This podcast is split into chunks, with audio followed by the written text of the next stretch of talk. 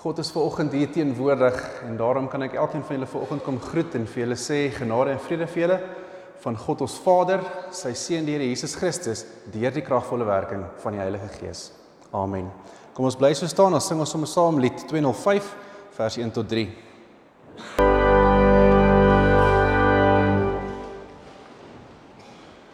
Kom ons bid saam.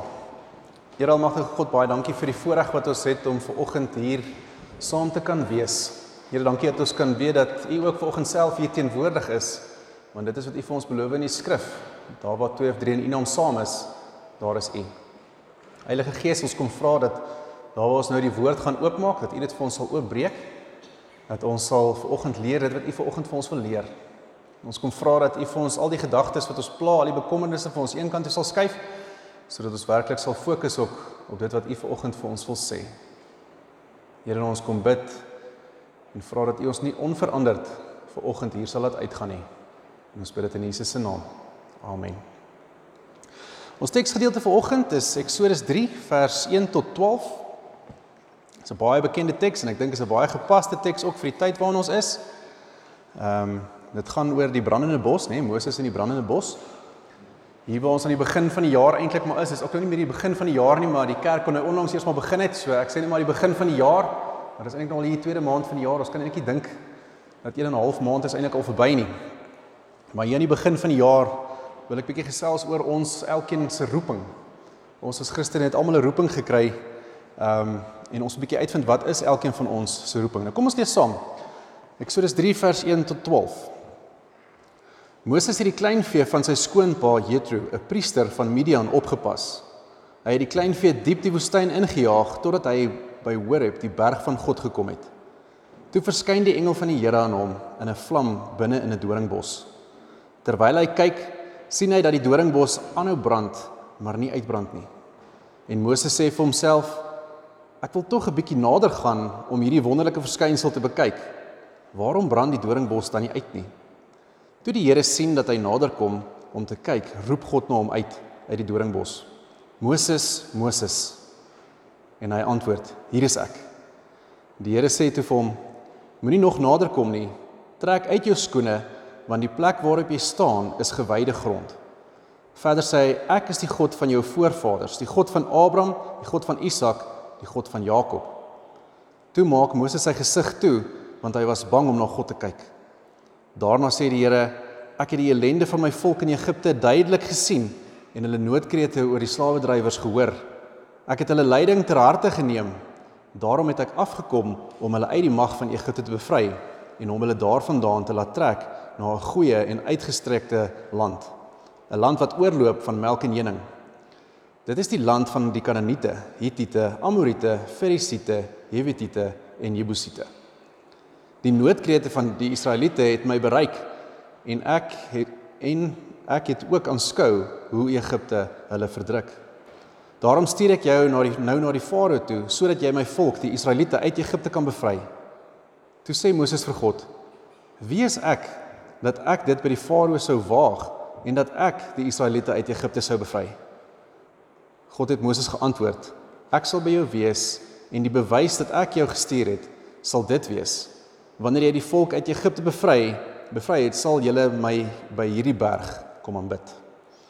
Nou sover vir vanoggend se se teks.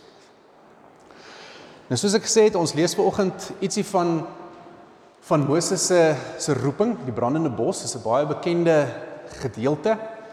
En ehm um, wat nogal hier gebeur in die teologiese terme, praat ons van 'n teofanie, 'n godsverskynsel, nê, nee, God wat verskyn het hierso. So dis 'n teofanie, sommer so 'n stukkie inligting langs die kant. So wat hier gebeur elke keer as God verskyn aan iemand, noem hulle dit eintlik maar 'n teofanie.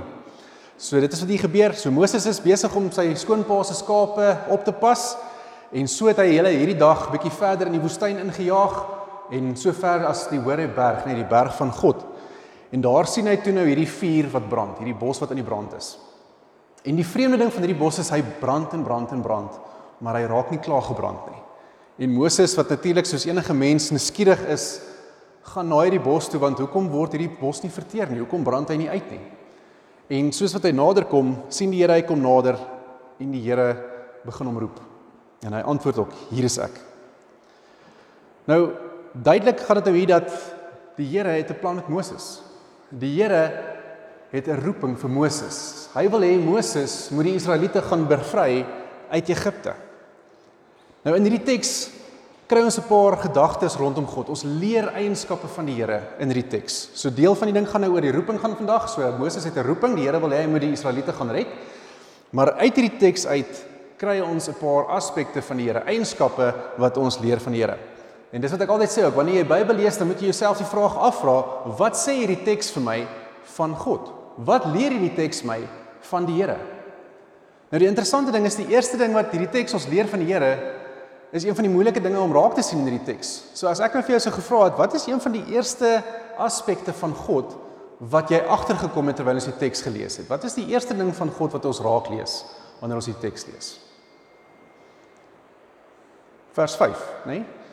Jy is op gewyde grond. Dis die eerste ding wat ons wat ons duidelik raak sien. God is heilig. Maar voor dit is daar al reeds iets anderste waar ons nou by sal uitkom wat ons van die Here gaan leer. So die eerste ding is hierdie is gewyde grond wat vir ons sê God is heilig. Nou dit is die eerste eienskap wat ons raak sien, maar dit is nie die eerste eerste aspek van die God wat ons hier kan sien nie. Die tweede aspek wat ons gaan raak sien van die Here, die twee eienskap of die tweede eienskap is dan in vers 7 waar God omgee. Nee. Hy het gehoor die noodkrete van die Israeliete. Hy gaan nou gaan ingryp. Dis nie vir hom lekker om dit te hoor nie. Hy gaan hulle nou gaan red. So God gee om. So daar is nou twee al. So God is heilig, God gee om. In vers 9 dan lees ons die volgende ene raak. Dan sien ons maar God is magtig want hy gaan hulle kan bevry. Nou om die Israeliete uit Egipte se hande te bevry is al klaar 'n magtige daad want Egipte was 'n groot nasie, dit was 'n sterk nasie, 'n groot vors gewees. So vir God om die Israeliete daar te kan uitkry, sal al klaar 'n magtige daad gewees het. Maar dan gaan die teks verder. Dan sê hy maar ek gaan hulle vat daarna die land van die Kanaaniete toe. En julle onthou die die vir daai spioene se verslag na die tyd toe hulle teruggekom het van Kanaan, net toe hulle nou 'n bietjie gaan kyk het hoe lyk dit daar. Die mense is groot, hulle is baie, hulle is sterk. Dis 'n land wat oorloop van melk en honing, ja, maar daar's nie 'n manier dat ons hier gaan ingaan nie. Maar God sê weet jy wat ek gaan hierdie mense daartoe vat. So weer eens 'n gedagte van God wat magtig is. God is magtig genoeg om hulle uit Egipte uit te vat, hierdie klein volkie eintlik van hom en hulle gaan trek daar na die Kanaaniete toe wat ook sterk volke is. Dis nie net een volkie, dis 'n klomp volke wat daar vir hulle wag. So dit is nogal interessant. Maar die eerste eienskap wat ons gaan agterkom wanneer ons hierdie teks lees, is dat God het 'n spesifieke manier om met mense te werk. Het jy agtergekom dat God sagkens is? Het jy agtergekom dat God homself nie op Moses afdwing nie? So dit was vir my die eerste ding wat mens raak lees as jy bietjie gaan kyk na hierdie teks. Is dit die eerste eienskap wat ons kry van die Here? God is, as ek dit in Engels kan sê, gentle, nê. Nee, hy doen dinge op 'n sagte manier baie keer. Hy dwing hom self op Moses af nie. Nou dit dat dink my baie keer ook aan as ons vra die vraag maar hoe hoor hoe hoor ons die Here? En dan een van die maniere hoe ons die Here hoor is om te sê maar ek hoor deur my die, die Heilige Gees. Die, die Heilige Gees praat in my hart. En dan is die volgende vraag maar hoe weet ek dis die Heilige Gees en of dit ek is en of dit die duiwel is wat baie keer met my praat?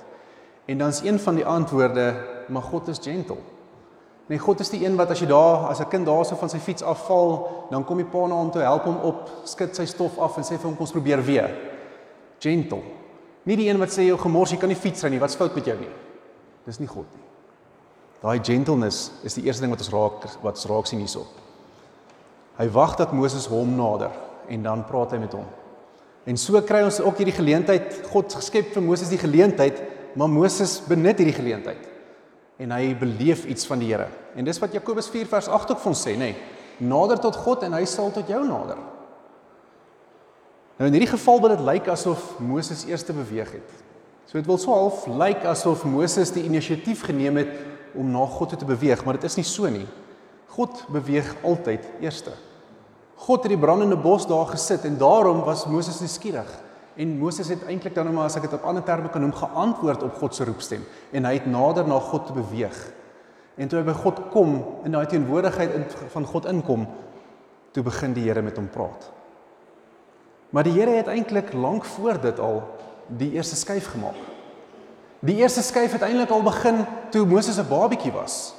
Waar die kinders die eerste geborenes of die die seentjies doodgemaak is waar sy ma in 'n mandjie gesit het en hy dan later deur die farao se dogter gevind word. Waar Mo Moses dan groot geword het as 'n Egiptenaar, as 'n prins. Waar hy al hierdie eienskappe geleer het wat hy nodig het om 'n volk te lei, het hy daar geleer. Die beste skool, die beste opleiding, alles wat jy kon kry in Egipte, het die Here hom voorberei. Voorberei vir wat? Om te doen dit wat hy Moses beplan het om te doen, nê nee, Moses se roeping. So Moses is opgelei, Moses is reggemaak vir hierdie ding wat die Here hom voor gaan roep van die begin af. So weer eens die gedagte van God beweeg altyd eerste. Moses het net geantwoord. Moses was op die ou ende bereid as ek dit so kan stel. Weet jy dat jy wat ver oggend hier sit dat jy ook 'n roeping het? Weet jy wat jou roeping is? Dis 'n moeilike vraag. Het jy al ooit gedink daaroor? Het jy al ooit gewonder wat is jou roeping? Nee, aan die een kant kan ek sê, goed, ek is 'n dominee, so my roeping was 'n dominee. Ek's gelukkig, dit was my maklik. Ek het maklik geweet om 'n dominee word. Een roeping. Maar is almal se roeping om 'n dominee te word? Nee. Maar wat is jou roeping? Het die Here al so in jou hart gewerk dat hy jou 'n bietjie gedruk het om te om jou te vra, maar hoekom is jy hier? Wat wil ek met jou doen? Nee, het jy al vir die Here gesê, Here, hier is ek. Wat wil U hê moet ek doen? Nou ek wil hierso 'n bietjie op twee goeters fokus vir oggend. Ek dink ons moet 'n bietjie praat oor gawes en dan gaan ons praat oor 'n roeping. Want daar's 'n klein verskil tussen gawe en roeping. 'n Gawe, jy kry jou geestelike gawes wat kom van die Gees, nee, dis die Gees wat dit vir jou gee. Gawe is iets wat jy kan doen beter as die normale ander persoon. Ja, party mense is goed met mense, party mense is goed met geld, party mense is goed met kinders en so kan ons aangaan. Jy het 'n gawe gekry om met kinders te werk, 'n gawe met mense, 'n gawe met geld en 'n gawe om wat ook al te doen. Dis 'n gawe wat jy kry van die Gees. Dis iets wat jy kan doen. 'n Roeping is iets waarvoor jy gereed gemaak geword het. 'n Roeping is iets wat jy nie uit jouself uit kan doen nie. Jy kan nie. Want in essensie is 'n roeping iets wat God moet verheerlik. So as dit uit jou eie krag uit kon gaan, dan was dit iets waarop jy trots kon gewees het. Dis iets waarop jy kon roem. Sê kyk hoe goed is ek, ek het dit reg gekry. Dis nie 'n roeping nie. 'n Roeping is iets wat God verheerlik. Ons kyk na vers 12 byvoorbeeld, net gou weer oopmaak. Vers 12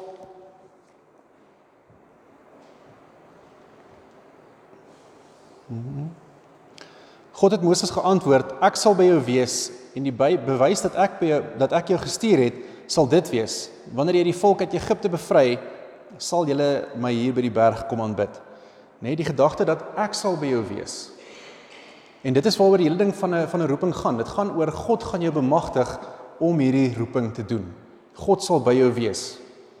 En saam met dit het, het Moses ook gevra, maar wie is ek dat U my wil gebruik om die Israeliete te gaan red. En dan antwoord die Here dit ook so vir hom: "Jy is my gestuurde." So die Here gee vir hom sommer sy identiteit ook in daardie proses. Nou daar's 'n interessante storie, oulike storie wat een van my mentors eendag vir my vertel het. As ons bietjie praat oor wat is 'n roeping, nê? Nee, die Engelse woord 'n anointing. Wat is 'n anointing? En een van die mense van 'n kerk het toe daarna hulle dominee toe gegaan en gesê, "Maar dominee, wat is 'n roeping?" Wat is hierdie anointing waarvan mense praat? En die dominee sê, weet jy, dis 'n moeilike ding om te verduidelik, maar daar is 'n boer daar aan die kant. Hy sal jou kan verduidelik wat 'n anointing is. En die ou is daar weg en hy's daar na die boer toe en hy kom by die boer en hy sê vir die boer, hoorie, die dominee sê jy weet wat 'n 'n 'n 'n anointing is, 'n roeping is. En die boer sê ja, is reg, stap saam met my, ons gaan daar deur die veld stap. En soos wat hulle gaan, sien hulle daar staan 'n bees en balk en hy eet gras. En die boer kyk die ou sê hy sê vir hom sien jy daai bees wat daar staan in wolk? Hy sê ja. Hy sê dit is nie 'n anointing nie. En hulle stap so eentjie verder en hulle kom by 'n hulle 'n 'n kragpaal. En daar sit 'n voeltjie daarbo in kwetter. En die boer kyk hom sê hy sê sien jy daai voeltjie daarbo op die paal wat sit in kwetter? Hy sê ja. Hy sê dit is nie 'n anointing nie. Hy sê anointing is wanneer jy daai bees bo op daai paal sien sit in kwetter. Dan het jy 'n anointing nê? Nee? Iets wat nie uit jouself uit kan kom nie. Iets wat God jou in staat stel om te doen. Dit is 'n roeping. Iets wat onmoontlik is vir my en jou, maak God moontlik. Iemand wat byvoorbeeld skaam was, word dalk 'n prediker. Iemand wat nie wat menskie was, is iemand wat nou tussen die mense gaan werk. En so kan ons aangaan. Iets wat nie uit my eie uit kan kom nie, iets wat God moes gedoen het. Nou ek herhaal dit weer, jou roeping is nie jou roeping omdat jy dit kan doen nie. Jou roeping is iets wat God jou bemagtig om te doen. God bemagtig jou. Jy ken daai ding van God does not call the equipped, God equips the called. En dis baie dieselfde. Die volgende ding wat ek wil sê oor roeping is het jy net een roeping? Wat dink julle? Het ons net een roeping? Enige iemand? Nee, ons het nie. Ons het nie net een roeping nie. Bly jou roeping altyd dieselfde? Nee, jou roeping bly nie dieselfde nie. Want dalk is jou roeping om met kinders te gewerk het. Maar as jy nou hier 40, 50, 60 raak, dan is jy nou nie meer so energiek of cool om met hierdie kindertjies te werk nie. Maar nou het jy jou roeping verander. So jy het met kinders gewerk, jy het jou roeping uitgeleef, jy het die Here verheerlik deur met hierdie kinders te werk. Maar nou het God vir jou 'n volgende roeping. Dis dalk nou daai kindertjies toe jy 20, 30 was, daai kinders is nou almal 30 en 20. Dis nou dalk om 'n dieper geestelike pad met hulle te stap. Nou word jy sy geestelike mentor in plaas van die oom of tannie wat hom besig gehou het in kinderkrans.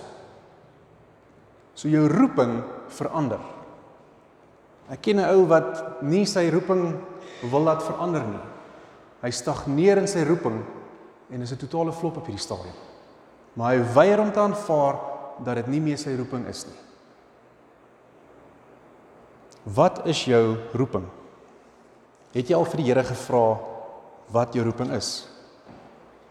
Die Here het dit vir my en jou moontlik gemaak deurdat hy sy seun gestuur het om vir ons sondes te sterf. Deurdat hy sy gees gekry het om jou na hom te trek en deurdat sy gees in jou bly. Dit is hoe die Here jou bemagtig het om jou roeping uit te leef. 'n Roeping moet uitloop op die verheerliking van God. Moses se roeping begin by God en eindig by God.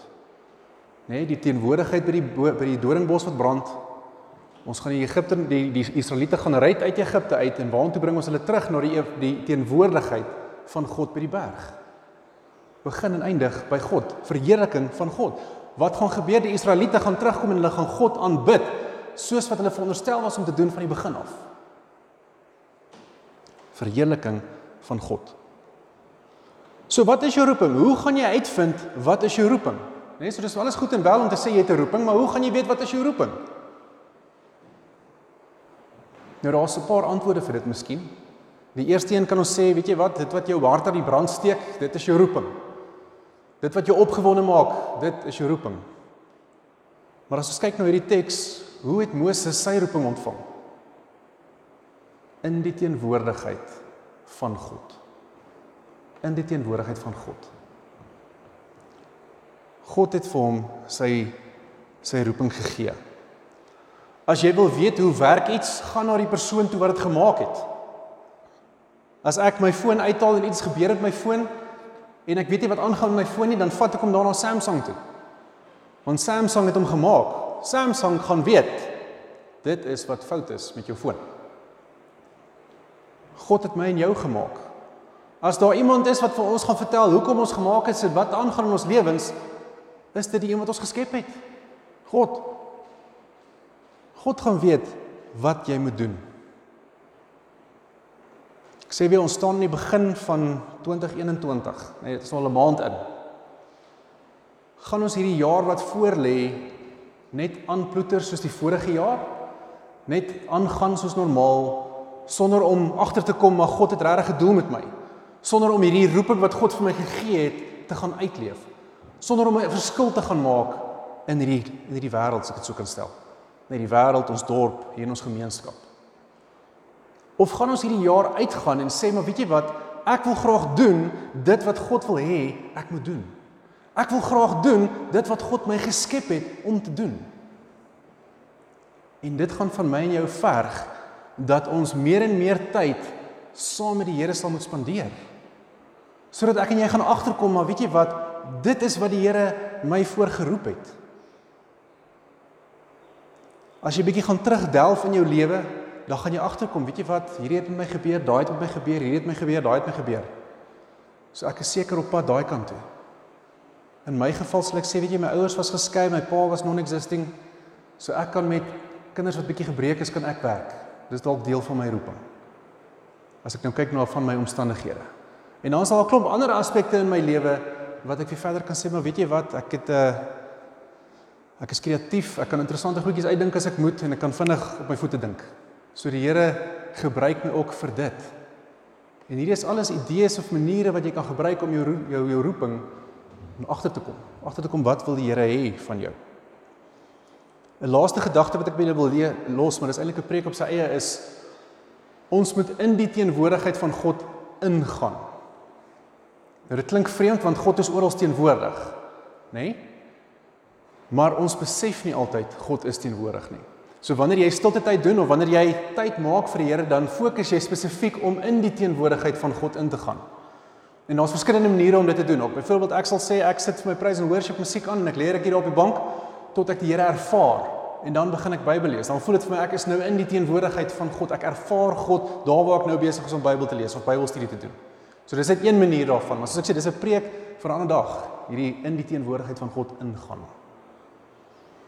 Alles maniere om jou roeping te ontdek. Maar die vraag vandag is, gaan jy gaan soek na jou roeping? Gaan jy moeite doen om by die Here uit te kom en gaan jy hierdie jare verskil maak deur jou roeping uit te leef?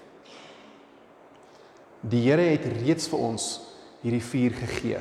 Die vuur is in jou hart omdat jy die Here aangeneem het. Ek en jy moet hierdie vuur net stook nou verder. God het hierdie vuur vir Moses daar neergesit En wat het Moses nie alles bereik deur saam met die Here daai roete te stap nie.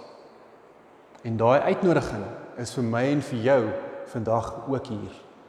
Die Here het 'n roeping vir jou. Die Here wil saam met jou op pad stap. Wat gaan ons nie kan doen nie? Wat se verskil sal ons nie in deelsvol kan doen wanneer ons ons roeping begin uitleef nie. Amen. Here baie dankie vir die voorreg wat ons het om U te mag ken Here, dankie dat ons ver oggend kan hoor dat U het 'n plan vir ons. Here, maar ons weet baie keer nie wat dit is nie. Ons weet baie keer nie hoe om agter te kom wat dit is nie en daarom kom bid ons ver oggend, Here, dat U vir ons sal lei en dat U vir ons sal wys waarvoor U ons geroep het. Here, ek kom bid vir die jaar wat ook voor lê dat ons nie net sal aanploeter soos die vorige jaar nie, maar dat ons werklik na U sal soek hierdie jaar. Dat ons werklik sal soek om gehoorsaam te wees teenoor U. Here, maar dat dat ons uit dit alles U sal verheerlik. Here, dankie dat U ons nie net gelos het nie. Dankie dat U ons altyd weer nader. Dankie Here dat U hierdie geleenthede oor ons pad sit om nader aan U te kom. Here, ons kom bid vandag en vra dat U vir ons ook die wysheid sal gee en die insig sal gee en die krag sal gee om hierdie geleenthede te benut. Here, om so ook sterker in ons geloof te word. Here, dankie vir alles wat U vir ons doen. Ons wil kom bid en vra dat U U hand van sien oor ons dorp en oor ons oor ons gemeente sal hou en so ook oor ons land. Ons kom bid vir die leiers van ons land en vra dat U vir hulle die wysheid en die insig sal gee om ons land te regeer soos U graag wil hê hulle moet. Here, ons kom bid ook vandag vir almal wat siek is en hartseer is. En ons kom plaas hierdie mense ook vandag in U hande want U is die groot geneesheer en U is die groot trooster. Here, as ons so terugkyk in die verlede, dan kan ons nie anders as om u hand van goedheid vir ons daar raak te sien nie. En ons kan nie anders as om u te loof en te prys daarvoor nie. Here, dit bou ons geloof en dit is met daardie geloof dat ons al hierdie dinge vir u vra. En ons bid dit in Jesus se naam. Amen. Ons gaan dan nou oor na die bevestiging van kerkraadlede. Ek gaan eers vir ons die formulier lees en dan gaan ek hulle nader roep en dan gaan hulle die vrae antwoord van die begin af het die Here Jesus mense geroep om sy werk op aarde voort te sit. Hy sê vir sy disippels: "Soos die Vader my gestuur het, stuur ek julle ook." Die ampte is deel van die gawes wat die Here deur sy Heilige Gees aan die kerk gee. Sy doel daarmee is om die gelowiges tot of toe te rus vir hulle diens en om die gemeente as liggaam van Christus op te bou. Uit die Bybel is dit duidelik dat 'n amptdraer bekend moet wees as iemand met 'n lewende geloof iemand met 'n begeerte om vir die Here te werk wat bekwam is om te leer en gewillig is om daarvoor toegerus te word. Verder moet 'n amptdraer 'n hoë sedelike lewenstyl handhaaf en in alle omstandighede betroubaar wees. Die kerkraad het deur aankondig deur ehm um, aankondiging bekend gemaak wie verkies is tot hierdie ampte en aangesien geen wettige beswaar ingebring is nie, aanvaar die kerkraad die goedkeuring van die gemeente en gaan ons dus nou voort met die bevestiging. Nou Stein Lombard en Tokman, julle kan vir my vorentoe kom asseblief.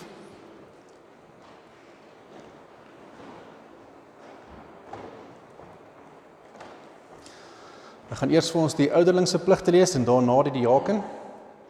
En dan daarna sal ek vir julle vra om vir ons te antwoord op die beloftes.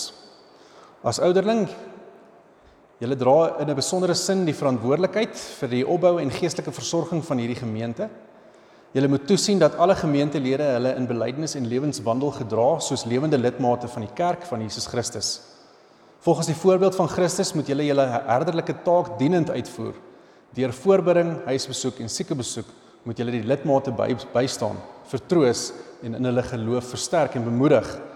Julle moet veral ook verantwoordelikheid neem vir die dooplidmate sodat hulle gelei en geleer word om die Here te ken en te dien.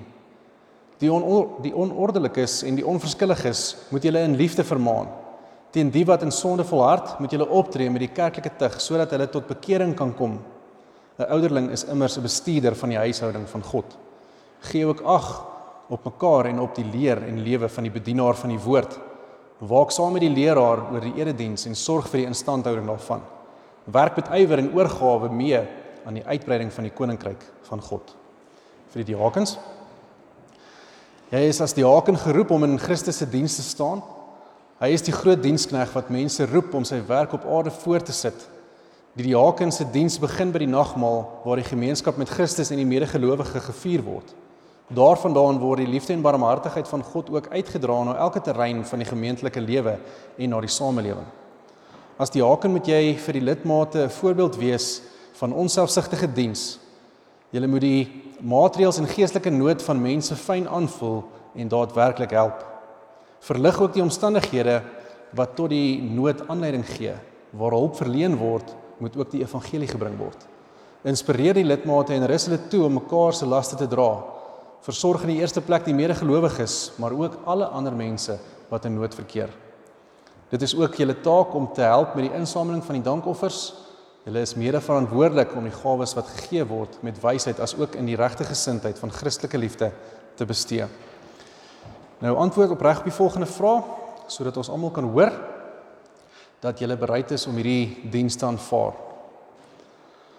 Is jy daarvan oortuig dat God self jou deur sy gemeente tot hierdie besondere diens geroep het? Aanvaar jy die Ou en die Nuwe Testament as die enigste onfeilbare woord van God en as die volkomme leer van die verlossing? En verwerp jy alle leringe wat daarmee in stryd is? Beloof jy om jou amp soos dit aan jou voorgehou is volgens hierdie leer getrou te vervul? Aanvaar jy dat jou medegelowiges die verantwoordelikheid het om jou te help um, om op die regte pad te bly? Tokman, wat is jou antwoord? Stein? Ja. Wees getrou in julle dienswerk, wees goeie voorgangers van die hele gemeente en gemeente ontvang hierdie kerkaslede as gestuurdes van die Here en bid vir hulle. Werk met hulle saam want die werk wat aan hulle opgedra is, bly steeds ook julle taak.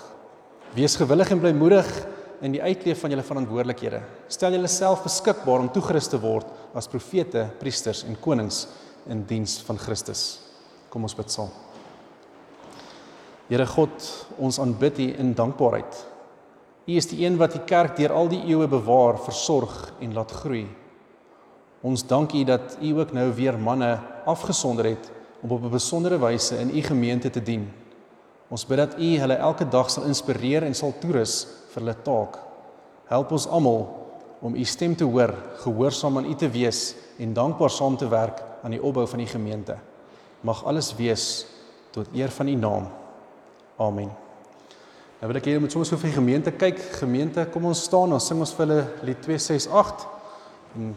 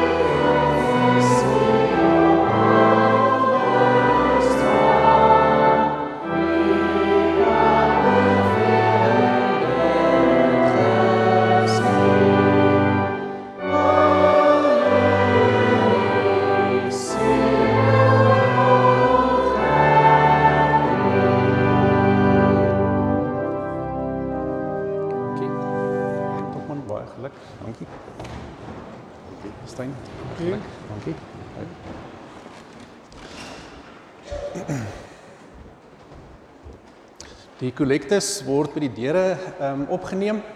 So ons gaan dan nou afsluit met ons laaste lied vir vanoggend. En ons gaan dit ook staande doen, lied 450 vers 1 en 2 en daarna sal ek vir ons die seën uitspreek.